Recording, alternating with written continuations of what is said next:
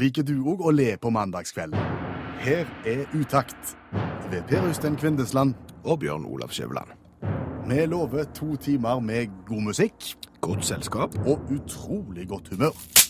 Nå kommer vinteren, og vi har ingen sommerhatt.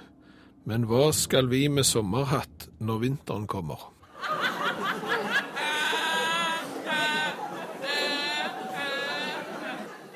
Har du lyst å bidra i programmet, så gjør gjerne det ved å sende en SMS til 1987.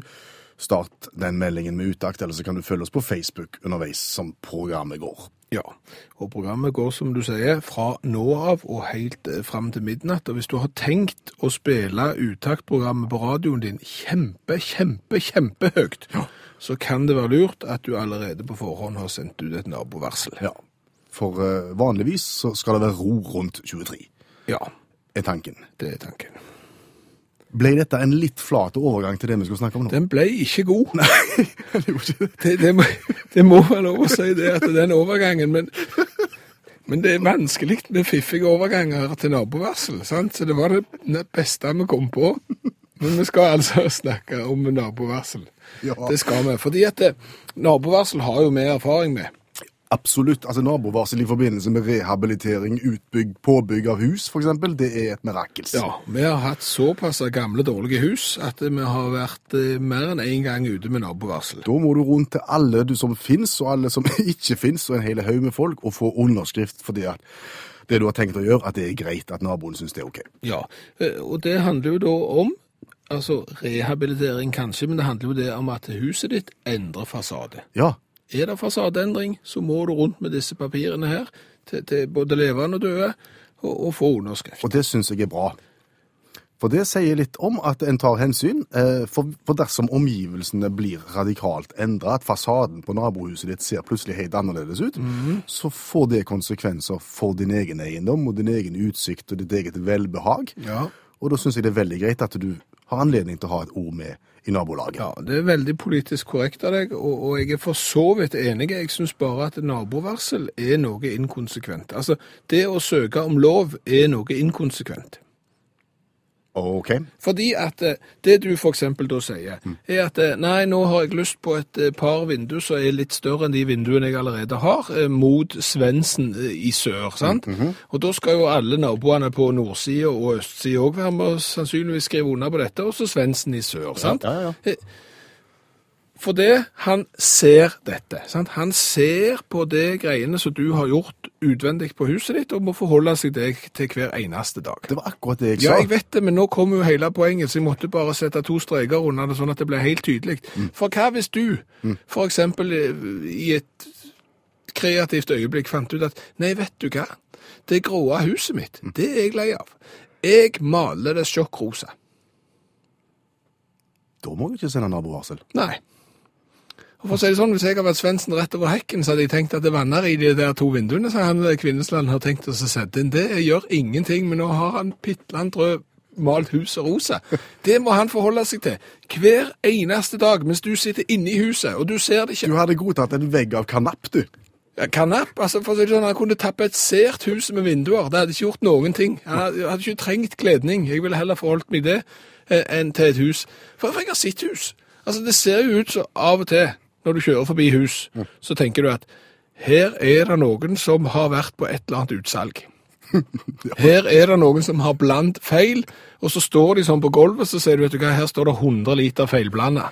Og så sier den ene til den andre Vet du hva, jeg tror vi blir vant med det. Ja. Det er friskt, og det er annerledes, og, og det er kjekt å ha noe som ikke alle andre har. Men det får være måte på. Og, og de finnes jo. Men Ja. de har jo da, som sagt, ikke vært nødt til å søke naboen om å få lov til å påføre naboen den ja, visuelle Støy. Ja, Skal du endre plan- og bygningsloven, Skjævland? jeg vet nå ikke det, men, men jeg nå, altså, jeg, jeg, jeg har ikke fasiten her. Nå har jeg bare måte, har vi løfta dette opp til debatt, og så, så kan de voksne bare liksom få dette innspillet helt gratis av oss, og så, så tar de det derfra. OK, du maler ikke fanden på veggen. Har jeg tilfeldigvis nevnt for deg tidligere at eh, jeg har håndhilst på han som sang der, han Phil Collins? Har jeg sagt det? Det er de som sier de har hørt det. For meg er det helt nytt. Ja, men da er det greit. Da vet du det iallfall sånn i tilfelle det skulle dukke opp en gang. Og nå er klokka 18 minutter over 10, og du hører utakt i NRK P1 ved Kvindesland og Skjæveland. Og vi har vært ute og reist, vi har vært i hovedstaden. Ja, vi har vært i Oslo, og, og jeg tenkte at i den anledning kunne jeg få lov å prøve å spole oss inn på det neste temaet. Det kan du godt få For nettopp den Oslo-turen tror jeg kan være et bra bakteppe for det vi skal snakke om nå. Den var ikke god, den heller. Han var bedre enn sist, men ikke spesielt god. Men bakteppet Ja. Er jo på en måte stikkordet her, for det skal handle om teppet. Ja, det skal det, for det er klart at eh, når to fra provinsen får lov til å reise inn til hovedstaden, så er det mange inntrykk. Det er det, du, de har storting der inne, de har slott. Slottet var mye større enn vi hadde tenkt. Ja, men det som kanskje overrasker oss aller mest, det er at det er en teppeboom, etter det vi har grunn til å tro. Faktisk. En real teppebom. For vi traff da et menneske som eh, var innlosjert i en leilighet i Oslo fordi han dreiv med tepperens. Og han holder egentlig til på Vestlandet, men Ja. det var såpass mye å gjøre også på Østlandet at han hadde sett seg nødt til og syntes det var greit å kjøpe seg en leilighet som han leide ut eh, til tepperensere, for de hadde så mye å gjøre. Ja, det er billigere å, å kjøpe leilighet og innlosjere tepperenserne i egen leilighet enn å holde dem på hotell, for det er så mye å gjøre nå i tepperensbransjen i hovedstaden. Ja. Ja. Og i tillegg til Slottet og Stortinget så var det noe som gjorde oss overgitt. Ja, det, det er jo kanskje det sterkeste inntrykket vi satt igjen med fra, fra Oslo-turen. For hvorfor i all videste verden er teppebransjen i ferd med å eksplodere? Vi trodde jo at han var lagt ned en gang for alle, fordi han, han, var, jo, han var jo enorm. Han var jo en enorm.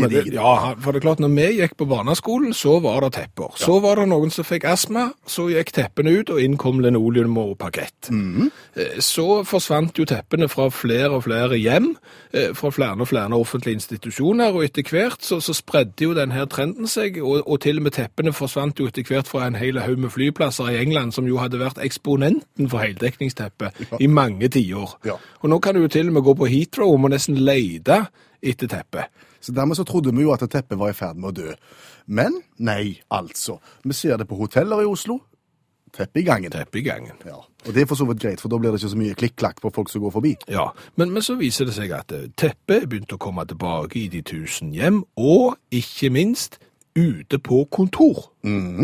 Store, store innovative selskaper velger heldekningsteppe etter det vi har grunn til å tro. Ja, og, og for å si det sånn, når, når, når jeg, jeg har beveget meg på parkett nå et, et langt liv, og jeg må jo innrømme det at med tid og anledning så har det jo skjedd et og annet uheld. Jeg har for eksempel en kaffekopp. Jeg, jeg har sågar vært uheldig og sølt bitte litt rødvin på dette teppet. Jeg, jeg har mistet smuss og, og, og fanteri på denne parketten. Fordelen da er jo at da finner du fram en klut, og så vasker du det, så, eller soper det opp, og det var knust, altså alt det der. Og, og noe av grunnen til at teppene i sin tid forsvant, er vel kanskje tanken på at alt dette her smusset Ja. eh, vil da forsvinne ned i heldekningsteppet, og ikke tørkes like lett enkelt vekk. Ja, og, og derfor tilbake igjen til denne overraskelsen, dette store, sterke inntrykket vi satt igjen med etter Oslo-turen om, om denne teppeboomen. For det, tenkt, altså det vi fikk fortalt, det var at hos et, hos et innovativt, så du sier, trendy selskap ute på Fornebu, der sikkert alle ansatte har firkanta briller og pologenser, etter det vi har grunn til å tro iallfall. Der har de lyst heldekningsteppe overalt. 4000 kvadrat. Fi- 4000 kvadrat. Og dette er en bedrift som liker å ha mottagelser, og liker å ha kurs og konferanser ute hos seg. Kickoffs. Og kan du tenke deg at hvis jeg har sølt bitte litt hjemme hos meg sjøl, så er det jo ikke verre når det kommer flere hundre mann der vasende inn i pologenser og firkanta briller og skal bære stettglass med rødvin på, på heldekningsteppet mens de spiser pistasjenøtter med den andre. Det er klart det blir søl. Og det er klart at da har du plutselig en tepperensbransje som er blitt en ekspansjonsnæring. Og vår mann må antageligvis skaffe seg én leilighet til. Ja, kjøp aksjer i det selskapet du på, Øystein.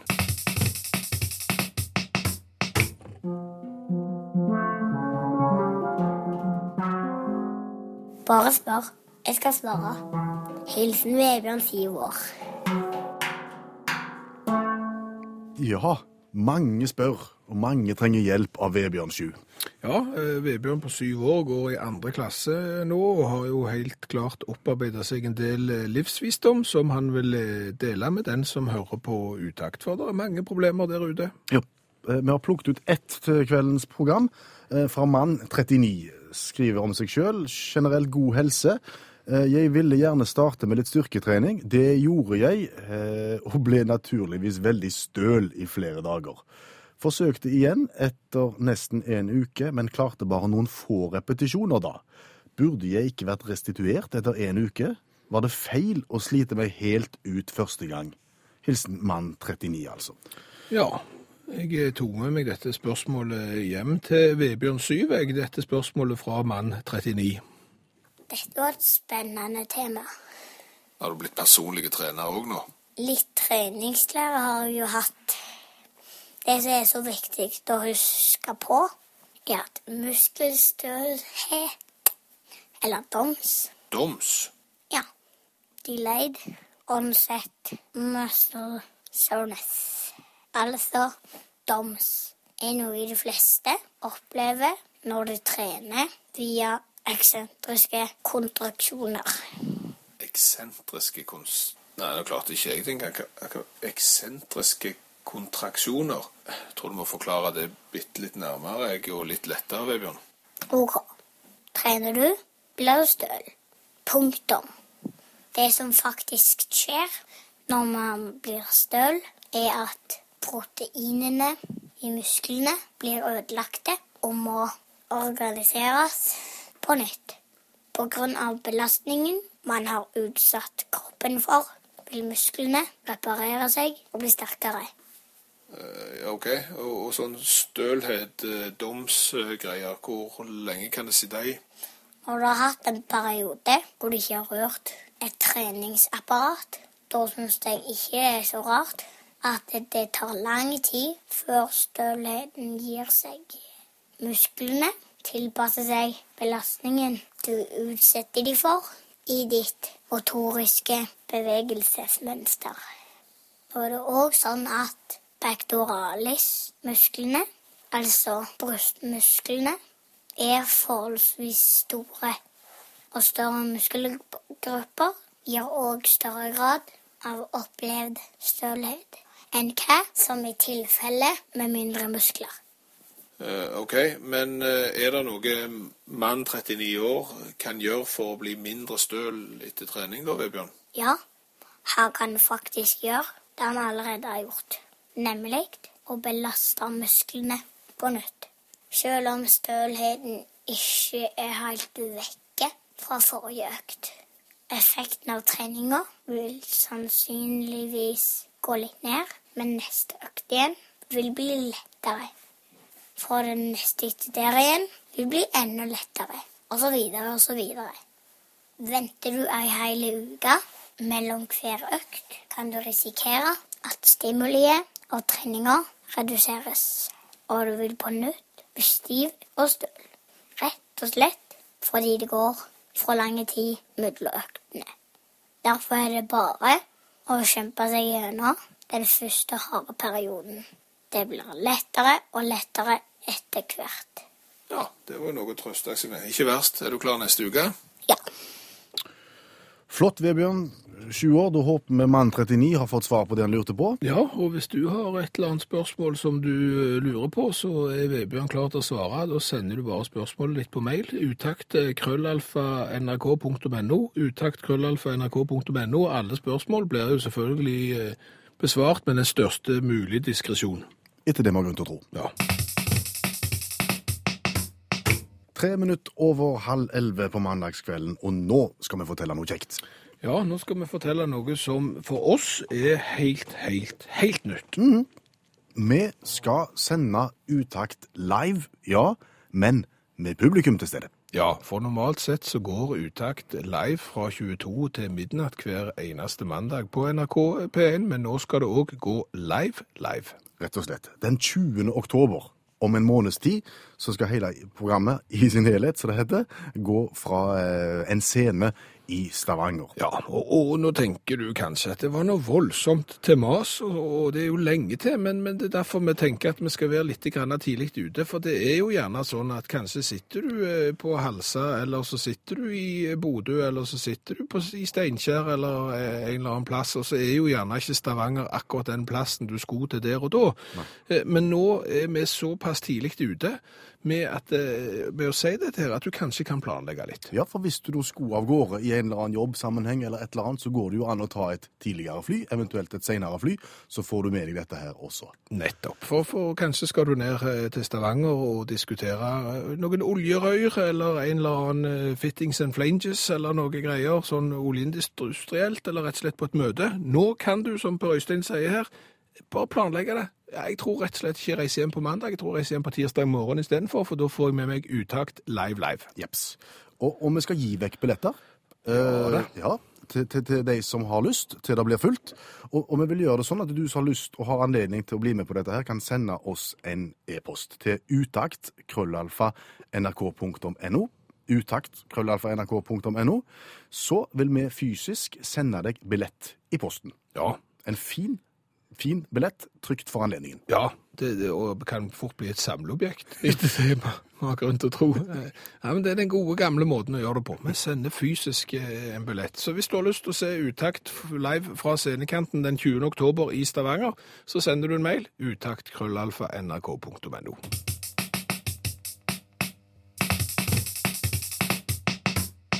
Og i dag så kom altså meldingen om at Cecilie Leganger, keeperlegenden, gir seg. Ja, og jeg kan lese overskrifter som eh, 'Verdens beste keeper', uansett idrett, uansett kjønn. Gir seg nå, altså. Ja. Og da er jo spørsmålet, hva gjør Cecilie Leganger nå? Hva er planen videre? Hva bør hun gjøre, og hva bør hun ikke gjøre? Ja. Dette er ikke vi så veldig opptatt av, men allmennlæreren Olav Hove med to i musikk, han var innom her og var veldig opptatt av dette her, fordi at nå gjelder det å velge riktig. Hva tenker du, Olav? Nei, Vi tenker som vanlig at vi skal lære av hva andre har gjort. For det, er- hun er jo ikke den første som legger opp. Det har vært andre som har lagt opp gjennom historien, og de har, har valgt forskjellig. Um, ja. Er det noen forbilder i så henseende, eller er det noen en ikke skal se til? Ja, vi kan kanskje begynne med de som en kanskje skal være litt forsiktige med. Um, eh, for det går jo an å, når du slutter med en idrett, så får en ofte abstinens og føler at en må fortsette igjen. Så er det litt pinlig å begynne med samme idrett. Du har jo flere som har gjort det. Så derfor er det greit å bytte idrett. Vi har da eh, Tonja Harding, kanskje du husker hun. Kunstløperske. Det var hun som grein på Lillehammer, det, under OL. Ja. Ja, Det var ikke bare at hun grein, hun slo vel hun der andre med en jernstang, og så grein hun. Ja, det var litt forskjellig der. Ja, Noe i den duren der var det. Hun testa stivheten i jernballtreet sitt i leggen på Nancy Kerrigan. Ja. Det er en viss forskjell på det. Um, Men, men hun måtte gi seg som, som kunstløper, skal jeg si du. ja, hun følte hun måtte bygge opp igjen imaget sitt, og begynte med boksing.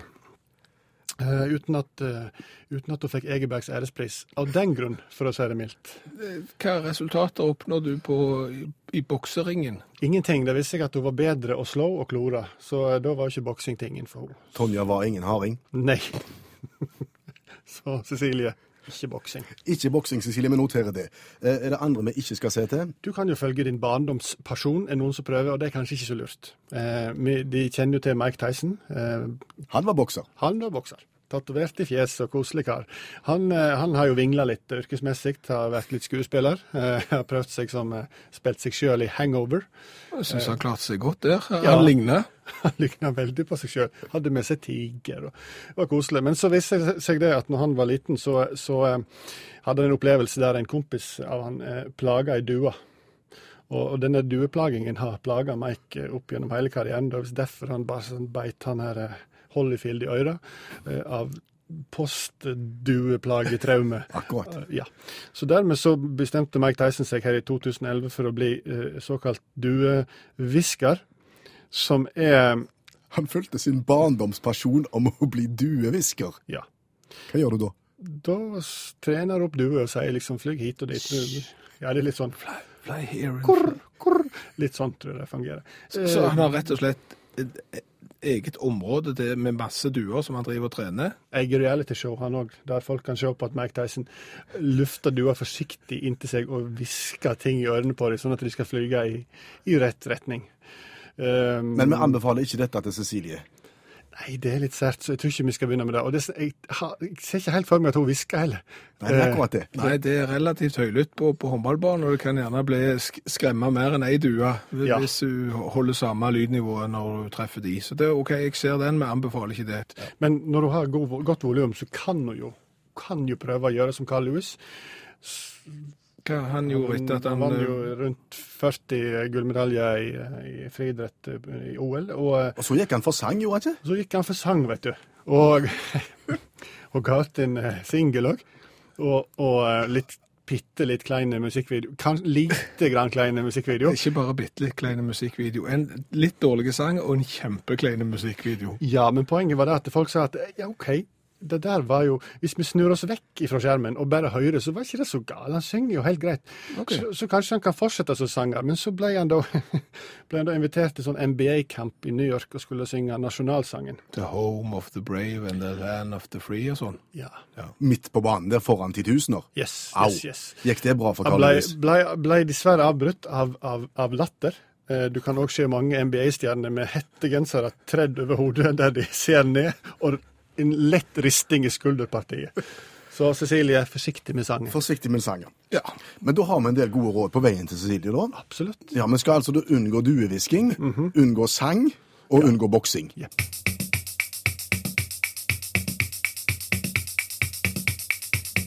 Og jeg sa vi skulle gjøre noe kjekt, og nå kommer det. Utakt tester mobiltelefoninstrument. Mobiltelefoninstrument, Skjæveland. ja. Ja, fortell. Eh, Nei, eh, altså forbrukerjournalistikk er jo veldig eh, ja, både nyttig for, for den som sitter der på benken og lurer på hva for et mobiltelefoninstrument skal jeg skaffe meg, og det er jo veldig kjekt for oss journalister å, å, bedrive med forbrukerjournalistikk. Ja, og og det er populært, som du sier. Ja. Eh, Men hva er et mobiltelefoninstrument? Det er et instrument som du kan spille på mobiltelefonen din. Ja, Hvordan fungerer det? Ja, altså det er jo, det er jo et musikkinstrument, sant? Og det er jo blitt sånn at det, alle har jo nå en smarttelefon i lommen sin og går jo lenger ikke rundt med flygel, sånn som folk gjorde før. Du gikk jo veldig rundt, mye rundt med flygel, og det er jo tungt og upraktisk. Ja, Flygelsbuksa. Og istedenfor nå så har de gjerne da en app på mobiltelefonen sin som gjør at de kan spille flygel direkte på telefonen. Ja, Da velger du rett og slett det instrumentet du ønsker ved en liten app, og så vips, så har du det. Og det er en hele skog. En jungel er det faktisk. Ja, og instrumentet vi har valgt å sitte nærmere på i mobiltelefonversjonen i dag, er Ja, det det er et instrument som kommer fra produsenten som ga oss Virtual Guitar 3, eh, No More Mosquito-appen og, og ukulele, de Hawaiian Sound-appen, ikke så interessant. I dagens instrument er bagpipe eller sekkepipe. via mobiltelefon. Ja. Hvordan skal det fungere? Altså det, det, det, det som er så kjekt, vet du, for det, det virker litt på samme måten som en vanlig sekkepipe. Du må blåse luft i belgen. Eh, der er jo ikke belg på de fleste smarttelefoner. Dermed så, så blåser du inn i mikrofonen i bånn, sånn som dette. Fysisk? Ja, da kommer han. Ja. Så må du holde på måte trykket litt oppe med blåsing, og så kan du trykke.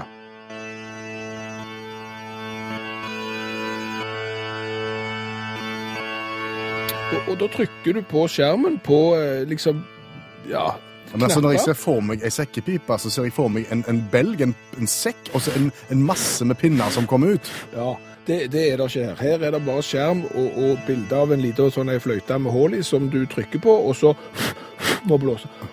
Må holde belgen hele veien. Ja, må du blåse. Går det an å spille en sang? Ja, altså hadde jeg kunnet sekkepipe, men det er jo det som er så genialt med denne her appen her, at, eh, at nå bare tømte jeg belgen for luft. Eh, Så kan du gå inn på sang, og da vil du få, for eksempel her kan du velge mellom Scotland the Brave, eh, The Starry Skies, eh, Thou Comest, og, og Jeg ville gått for Amazing Grace. Amazing Grace. Finns den, ja? Den finnes. Og da får du, på skjermen, Mm. så får du tegn hvor du skal trykke. Så du trykker Nå trykker jeg på de hvite prikkene som Det ligner ikke på den sangen for det, gjorde det? Jeg hører ikke Amazing Grace inni her.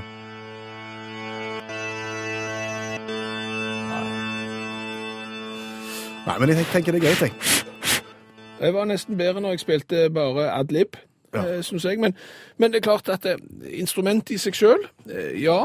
Hvor skal vi havne? Nei, altså I ren forbrukerjournalistikk-ånd så må vi jo gi karakterer. Jeg har tenkt å sette opp noen kriterier. Vær stille nå. Må ha litt uh, sekkepipe under her, tenkte jeg. Ja, Noen kriterier Ja. for, som vi kan gi poeng i forhold til. Ja. Eh, Autentisitet i forhold til, til lyden av sekkepipa. Eh, For meg høres det ut som sekkepipe. Eh, Terningkast Terningkast seks. for intensitet, ja. Ja. Eh, Brukervennlighet. Eh, veldig enkel å blåse i. Eh, veldig praktisk å blåse i. Det er ikke tungt å blåse i enden for å liksom å pumpe opp eh, belgen, Nei, men, men selve trykk... umulig å spille Ja, Amazing Grace. ja, trykknappene er, er vanskelige, så, så der er brukervennlighet to. Terningkast to. Ja. Eh, X-faktor, går det an å spørre om det her? Ja, altså X-faktor. Hvor, hvor bra er den her i selskapslivet, eksempel? Hvor kjekk er han eh, å sitte rundt et bord, og alle drar fram den eh, mobiltelefonsekkepipa si? Eh, der vil jeg si at terningkast seks er bitte lita stund. Og så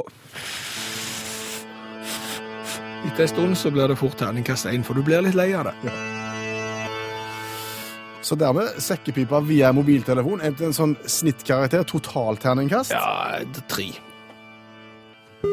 Du har hørt Utakt teste mobiltelefoninstrument.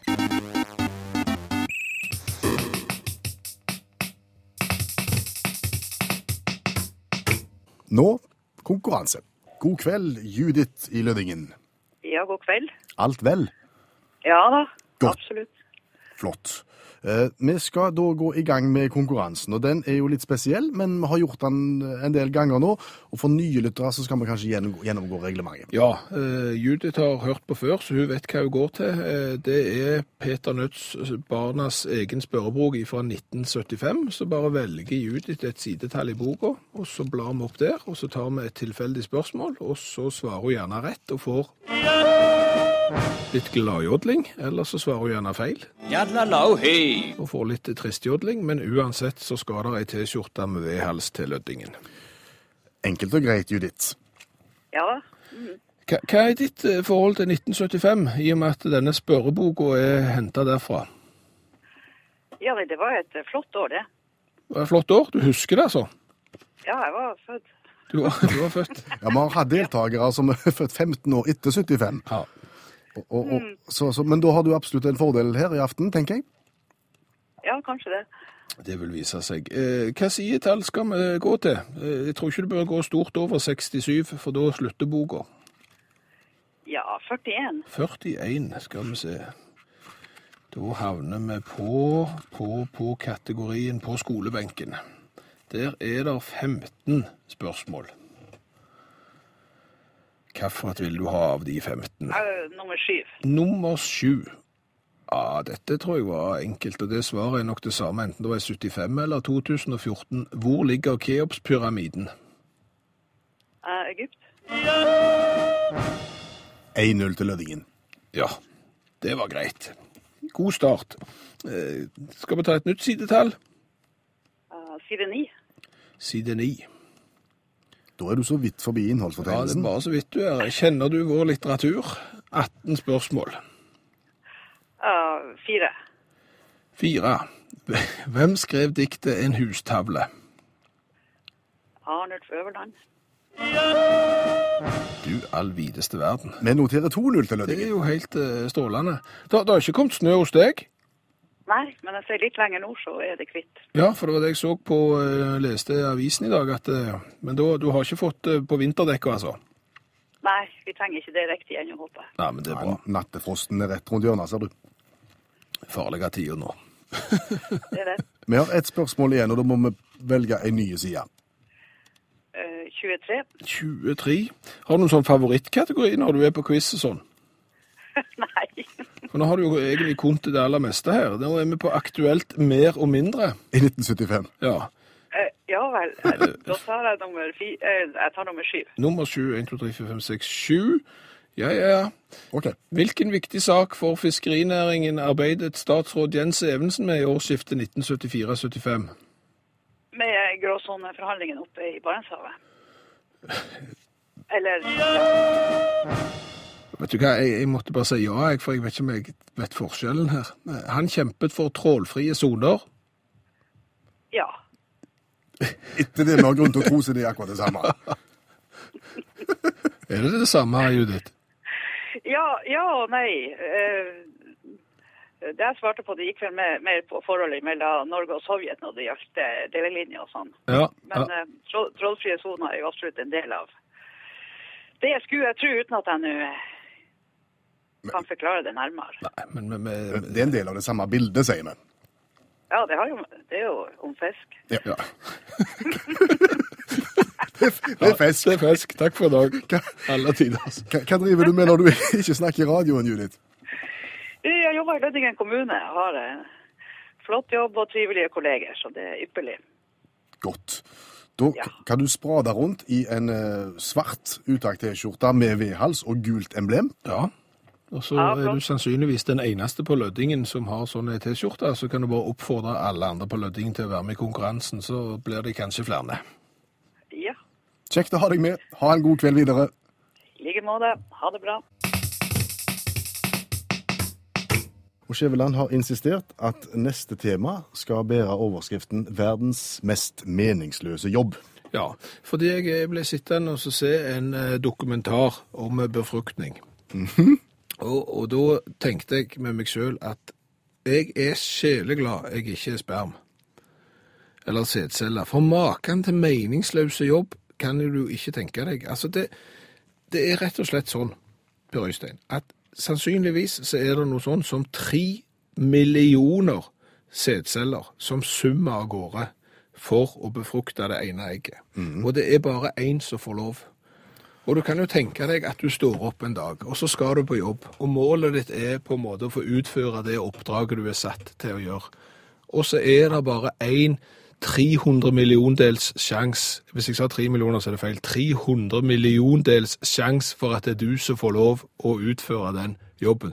Kan du tenke deg på dårligere odds å starte en arbeidsdag på? Det er jo som hvis en journalist, sant? En journalist skulle komme på jobb, og det er bare én 300 milliondels sjans for at det han skriver kommer på trykk. Da gidder han ikke å skrive noe. Det er klart du ikke gidder mer. Nei. Det er klart På et eller annet tidspunkt så sier du, vet du hva, nå kan det bare være. Dette her gidder jeg ikke være med på. Ja, men det er mulig det Da, ja, det er jo ikke dag ut og dag inn heller, ser du. For det er det som er hele poenget her, at det er bare dag ut. Det er ingen dag inn. Det er liksom, det er det eneste lille halmstrået du, du holder deg i, og så går det skeis. Altså, det er jo som, altså, tippa lotto. Ja. Det er vel sånn 1 til 5,4 millioner sjanse eller noe sånt for å få syv rette. Og det er jo farfetched. Og da kan du tenke Det er jo ferdig vunnet i forhold. ja, altså det, for å si sånn, da, da kunne du nesten gått på jobb og tenkt at det er jo iallfall en sjanse. Men når du er én av 300 millioner, så er det jo så gale. Og det som jeg òg lærte i dette her greiene her, for nå vil noen si ja, men det er jo ikke en jobb, det er jo det er levende individ. Det er det. Med tanke og følelse. Ja, det er akkurat tanker og følelser, det er jeg ikke bombesikker på, men det er levende individer, de har luktesans. Var det det? Ja, altså, det, de, jeg leste en forskningsrapport, de lukter på en måte veien. Sier, de, sier de noe om svømmeteknikken? Nei, altså, det er ikke bare å summe. Det er, Er det butterfly? det, det er bukting, men, men poenget er at de navigerer da på et eller annet lukt. Sant? Så dette her er jo greier. Så kommer du på jobb. Ja, ja, jeg kjenner eimen av at dette kan bli en interessant dag. Og så blir det bokstavelig talt mageplask, og så er det kompisen din som var en av de 300 millionene. Så det vil jeg bare si at hvis du har sjanse til å velge jobb, eh, hvis du liksom skal på jobbmesse, eh, går til studieveileder eller et eller annet sånt, hvis noen skal være så dumme og foreslå at du skal bli sædcelle, så sier du nei, det skal jeg ikke bli. Det jeg hørt på radioen er den dummeste jobben du kan ha, for du får nesten aldri utført det du skal. Men hvis Men hvis du vil starte en vekstnæring, så kan du starte en motivasjonsseminar for den yrkesgruppen. Det vil være litt å hente.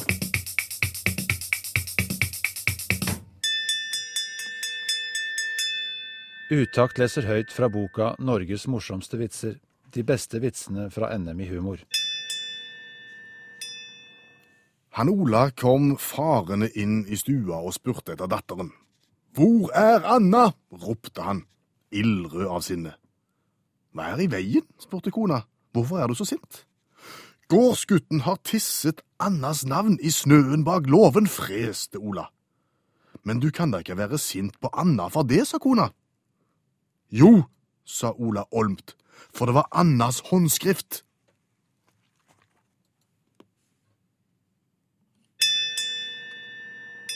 Du har hørt Utakt lese høyt fra boka 'Norges morsomste vitser'.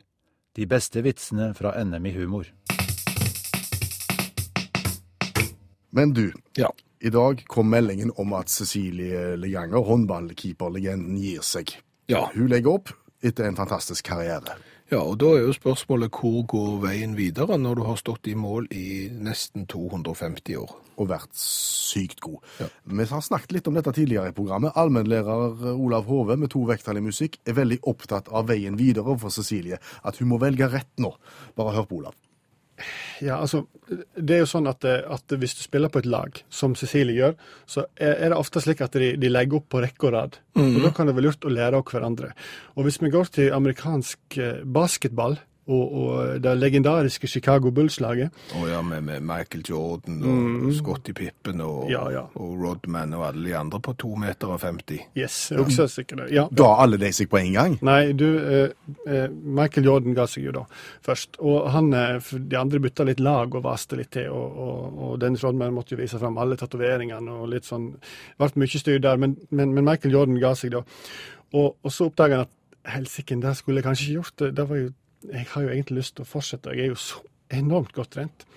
Men da syntes han var pinlig å begynne med basketball, så da tok han det som ligger nærmest basketball, nemlig baseball. Eh, Han gikk for baseball. Ja, det Yes. var nesten en K ifra. Ja, det er omtrent det samme. Og så tenkte jeg det er mindre ball, lettere å håndtere, og så et balltre, men det fikser jeg. Det gjorde han ikke. Det gikk gale. Ja, han slutta etter svært kort tid. Så han, han la opp i basketball og ble skikkelig dårlig i baseball. Ja.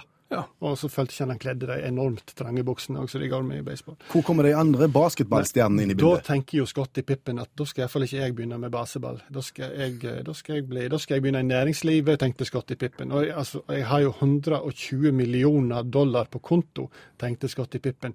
Da tror jeg jeg blir Skal vi se, vent litt. Så leter han i boka. Investor, det virker kult. Og ja, så Finansakrobat. Ja, akrobat kunne funka, for han var jo ganske atletisk. Så han bestemte seg for å bli det, eh, for han hadde så mye penger. Noe sier meg at de er galt for Scotty Pippen. Ja, gikk fort eh, 120 millioner. altså Det forsvinner fort hvis du først begynner å, å, å, å jobbe hardt i et yrke du ikke har peiling på hvordan fungerer. Bare spør Ida Vollvik om hvor fort mye penger kan forsvinne, så svaret er relativt veldig fort. Ja, nei, eh, det gikk skeis. Så, så igjen satt Dennis Rodman og hadde sett at de er gale med både Michael og, og Scotty. Og da, eh, da, eh, da klødde han seg litt i øreringene og piercingene sine og tenkte nei, OK, ikke sport, ikke næringsliv, da går jeg for politikk. Og Dennis, det viste seg at Dennis Rodman ikke var helt stuerein eh, i forhold til det å komme inn sånn, altså jobbe i Senatet eller Kongressen eller sånne ting. Så han, han strevde lenge, Dennis, men så fant han jo sitt, sitt eh, på en måte kall her i livet, og er nå en slags internasjonal pressetalsmann for Kim Jong-un i Nord-Korea. Og det har han fortsatt med. Så Michael Jordan gikk til skeis med, sammen med Scotty Pippen, men Dennis Rodman han har gjort det bra. Ja. Ja. Så, så, så et råd til Cecilie på veien her. Ja. Eh, Google diktator, og, og send en e-post hvis de har internett i det landet, da, vel å merke. da sier vi tusen takk, allmennlærer med to verktall i musikk, Olav Hove. Nå noe helt annet. My hovercraft is full of eels. My hovercraft is full of eels. Du gir deg ikke med denne, Kleveland. Nei, jeg syns det er en ganske artig liten uh, internkonkurranse med eksternt tilsnitt. Uh, Ta det eksterne først. Ja, uh, dette her er jo da John Cleese sammen med Monty Python fra Monty Pythons Flying Circus. Et ørlite sitat midt i en lang sketsj om forvirringen rundt en ungarsk ordbok som ikke på en måte holder det han lover. Og det har jo da brakt oss setningen My hovercraft is full of eels, som blir noe sånn som eh, Min luftputebåt er full av ål. Og den setningen har inspirert en hel verden. Ja, rett og slett. eh, En nettside som eh, har lagt ut denne setningen på mange, mange språk, der folk som sjøl er interessert i luftputebåter full av ål, har snakket inn setningen på sitt morsmål, sånn at folk kan høre hvordan denne meningsløse setningen blir. Og, og du påstår jo at du har et språkøyre. Og nå kommer vi til internkonkurransebiten av dette konseptet. Ja, jeg har funnet fram til noen som leser det på sitt språk, og så skal du gjette hva det er. Og så er jo fordelen med eksternkonkurransebiten at eh, du som hører på radio òg kan få bryne ditt språkøre og være med å gjette. Så nå skal vi altså få høre den setningen på et eller annet språk, og så skal vi forsøke å resonnere oss fram til hvilket. Er vi klar? Ja. Her kommer den. Мое судно на воздушной подушке полно угрей. Ja, her er vi jo i et, et russisk-lignende område, vil jeg si. Det høres for så vidt ganske greit ut. ja, og du har jo vært skråsikker før og bomma stygt, eh, men eh, Altså Tidligere så har jeg jo da latt være å stole på min første innskytelse, ja, det har du. og det har jeg angra på. Det har du angret på. La oss høre på den en gang til. Мое судно на воздушной подушке полно угрей. Ja, Det er veldig fristende å si at dette her er russisk, men kan det være så enkelt? Ja, Det kan være så enkelt? ja, det var russisk, rett og slett. Jeg tenkte jeg skulle lure deg med å, å snakke deg litt vekk, men uh, førsteinnskytelsen din var rett. Det er min luftputebåt er full av ål på russisk. Så enkelt. Мое судно на воздушной подушке полно угрей. Forhåpentligvis så har du fått eh, noe å tenke på, noe å le av, og noe godt eh, selskap med å høre på utakt. Jeg heter Per Øystein Kvindesland. Jeg heter Bjørn Lars Skjæveland, og hvis du syns at Utakt var et kjekt program å høre på, og har lyst til å høre noe av det som allerede er sendt, så er det bare å søke oss opp på podkast. Der ligger timer og uker og år med utaktsendinger som du kan boltre deg i. Og det som er kjekt med podkasten, er at du kan abonnere på dem, så når med en gang de, de foreligger som nye, så får du de automatisk. Ja.